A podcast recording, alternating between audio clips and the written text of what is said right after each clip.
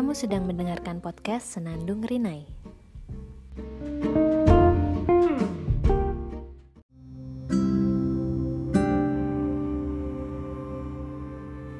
Hai, selamat datang di Senandung Rinai. Ini sudah masuk ke episode 12.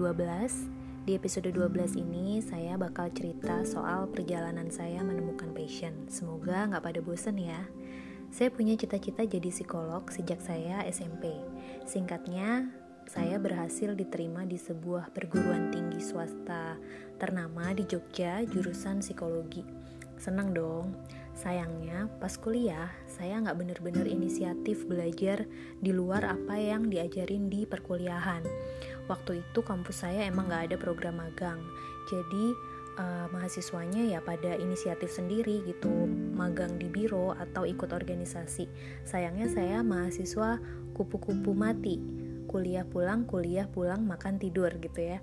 Jadi saya nggak ikut magang di biro saya juga nggak ikut organisasi gitu. Jadi saya benar-benar minim pengalaman tuh waktu kuliah Beruntungnya, selesai kuliah, saya langsung dapat kesempatan kerja pertama di Jakarta. Kantor pertama saya itu bergerak di bidang uh, eh, HR, jadi semacam agensi atau kalau orang-orang kenalnya mungkin outsourcing ya.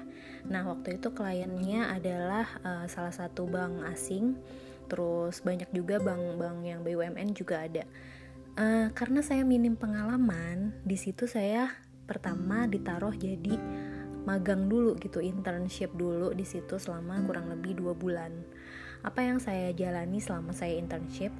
Lebih ke bantu-bantu sih jadi asisten tester uh, kemudian uh, belajar interview calon pelamar eh calon karyawan kemudian uh, sampai ke kerjaan yang receh-receh kayak fotokopi terus apa namanya uh, ngefile berkas, nelpon nelpon kayak gitulah pokoknya receh-receh banget. Setelah selesai masa magang, uh, saya kontrak tuh waktu itu kontrak dulu kurang lebih enam bulan. Nah pas kontrak itu saya udah dikasih tanggung jawab untuk jadi tester kemudian interviewer.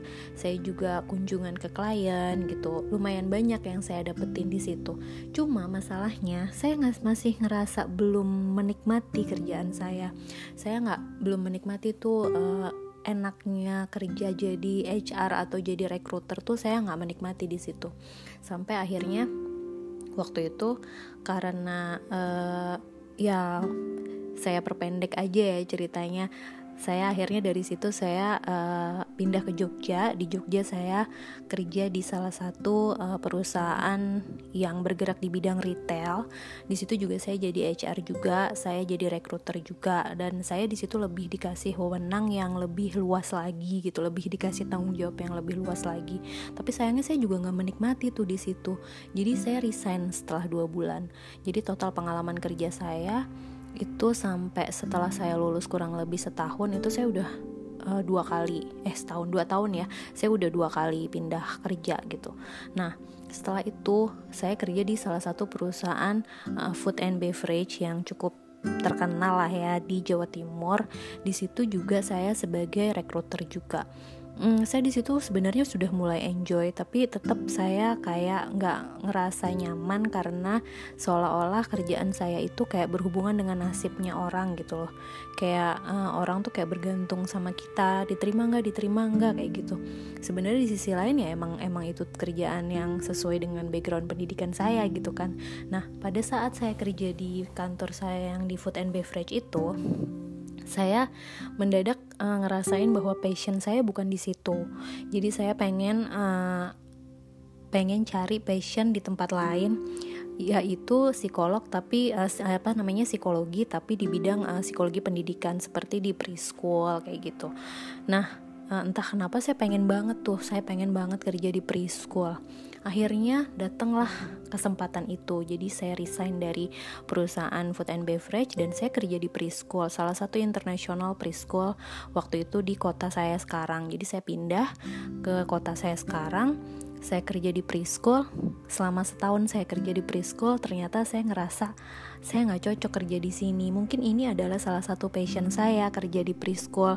Uh, apa tapi kayak nggak bisa aja saya menjadikan kerjaan saya di preschool itu sebagai mata pencaharian gitu jadi uh, saya ngerasa oh kayaknya saya bisa balik lagi kerja di preschool ketika saya sudah mapan secara finansial gitu akhirnya saya balik lagi tuh ke uh, pekerjaan HR jadi saya kembali jadi rekruter, saya kembali jadi interviewer, saya kembali ngurusin karyawan gitu.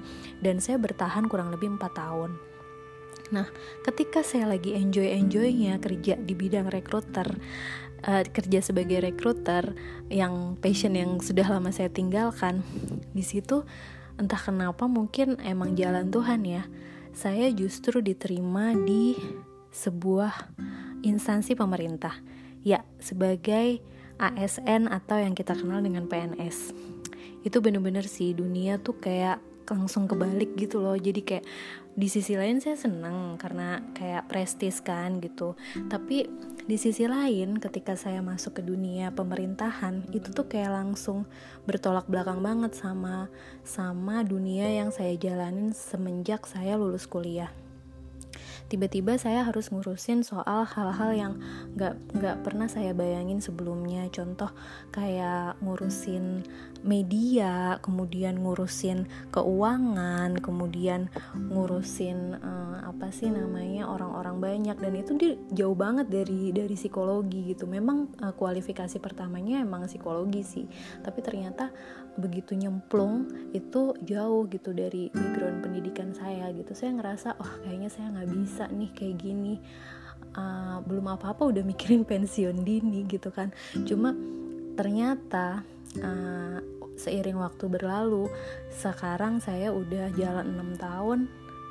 Jalan 6 tahun saya baru bisa menemukan passion saya.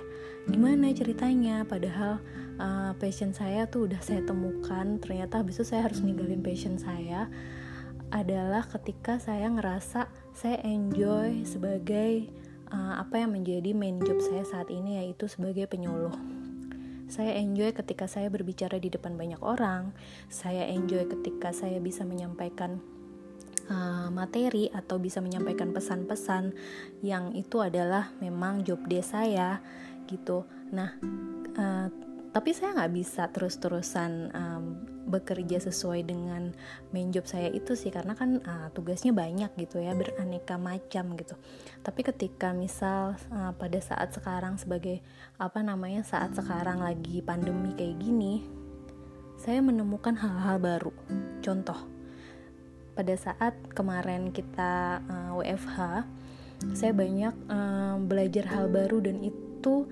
benar-benar bikin saya ngerasa lebih semangat menjalani hidup. Pertama, saya bikin yang namanya acara Instagram Live. Jadi itu uh, adalah program kantor setiap minggu dan ini di luar anggaran memang benar-benar inisiatif dengan uh, inspirasinya ya dari dari uh, apa namanya cabang-cabang yang lain sih ya. Satuan kerja satuan kerja yang lain yang emang udah lebih dulu menyelenggarakan acara itu. Tapi kita benar-benar arrange acara sendiri dan seminggu sekali saya sama teman saya jadi host. Dan itu tuh benar-benar bikin saya ngerasa happy gitu. Kenapa? Karena ketika kita dikasih dikasih tanggung jawab itu tuh kayak terserah kita aja kita mau bikin acaranya seperti apa temanya seperti apa narasumbernya siapa gitu. Itu tuh jadi kayak apa ya mood booster gitu ya.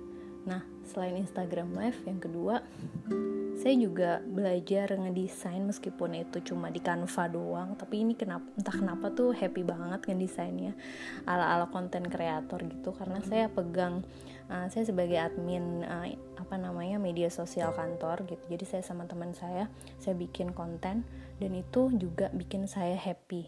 Nggak tahu kenapa padahal itu jauh dari background pendidikan saya jauh dari apa yang sudah saya kerjakan selama ini. Kemudian yang ketiga saya lagi seneng-senengnya bikin podcast seperti sekarang. Dan itu juga bikin saya happy. Kemudian yang keempat saya lagi belajar baking belajar bikin kue. Dan itu sangat menyenangkan. Jadi hunting resep terus nggak sabar nunggu weekend agar bisa bikin kue dan dimakan sendiri aja gitu. Jadi happy aja gitu membayangkan uh, baunya aromanya kue yang lagi dipanggang kayak gitu. Terus apalagi ya yang kelima mungkin bercocok tanam. Karena saya udah itu udah lama sih sebenarnya hobi saya yang udah lama. Jadi kesimpulannya dari uh, podcast ini adalah sebenarnya passion itu tuh ditemukan. Passion itu tuh dicari. Jadi kalau misalnya kita uh, kita cuma ngayal-ngayal doang eh aku nih passionnya main musik aku nih harus bekerja di bidang seni. Tapi sebenarnya kita kita belum pernah menjalani bidang itu sebagai mata pencaharian kita. Nah, itu menurut saya belum bisa dikatakan sebagai passion. Passion itu adalah sesuatu yang sudah kamu jalani dan kamu menikmati itu dan kamu mencintai itu gitu loh. Jadi bukan sesuatu yang cuma kamu pengen aja gitu. Karena nggak semua hobi kita bisa dijadikan mata pencaharian ya. Ketika misalnya kita menggantungkan hobi kita sebagai mata pencaharian kita benar-benar harus expert di hobi kita itu. Kita nggak bisa ah, kita hobi uh, melukis. Jadi aku pengen jadi pelukis aja. Sedangkan misalnya uh, kita adalah uh, tulang punggung keluarga gitu. Jadi keluarga kita bergantung sama kita untuk nafkah misalnya. Tapi kita tetap uh, idealis dengan passion itu. Ya nggak bisa gitu juga gitu loh. Jadi kalau misalnya kamu nggak terlalu expert sama hobi kamu ya udah. Jadikan hobi kamu itu hanya sebatas hobi bukan sebagai mata pencaharian. Kadang-kadang kita nggak bisa seidealis itu gitu loh. Jadi memang uh, passion itu dicari betapa beruntungnya orang yang memang mengerjakan passion dan dibayar gitu. Tapi ketika kita tidak seberuntung itu ya kita harus mencari dan menemukan. Nah, kalau misalnya kita bekerja di sesuatu yang jauh dari passion kita, ya udah kita bisa kok mengerjakan hal lain, mengerjakan sesuatu yang baru dan ngerjain sesuatu yang baru itu tuh memang bisa meningkatkan mood dan energi. Cari aja mungkin ada hal-hal banyak hal-hal di sekitar kamu yang bisa bikin kamu lebih happy, bisa bikin kamu lebih uh, berwarna lagi hidupnya gitu. Karena skill itu kan dicari dan dipelajari ya, nggak terbatas usia juga gitu. Itu aja mungkin sharing hari ini. Have a nice day.